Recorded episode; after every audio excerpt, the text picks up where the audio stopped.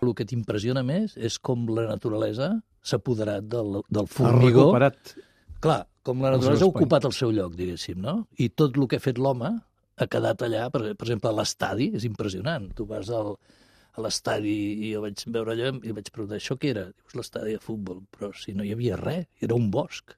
I només quedaven les, les grades, les graderies, no? Però I, totes amb herbes també, i també, matolls... també, I... però és que no veies res pla, era un bosc, un bosc, és un bosc, no? Després era impressionant els colors, una, una bellesa, uns verds, uns vermells, Això ser la radioactivitat, no? diuen, no? Però també... Home, és- va haver-hi un bosc que es va pomes- tornar vermell. Sí, sí, sí. sí. Després va recuperar el verd, però... Clar, no pots tocar res perquè està contaminat tot. Si et menges una poma d'aquelles, aparentment et pot passar alguna cosa, no? Hi havia uns, uns bolets, uns ceps, ceps d'aquests que fas uns espaguetis impressionants, però uns ceps de, que arribaven, al, fer. al genoll d'alts, eh? O sigui, era...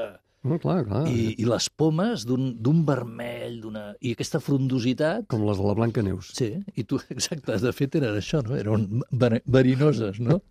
I tu veies com, a mi em va impressionar molt això, com veies com tota aquella, perquè inclús tots aquests, els, eh, aquella època soviètica, feien totes aquestes coses amb pintures i no, la sala del, del poble, la reunió, tot, i tot això estava tot enfilat per la vegetació, les, els arbres entraven a les cases, no? I, i et dones compte del de, poder de la naturalesa i la fragilitat de la petjada del ser humà, no?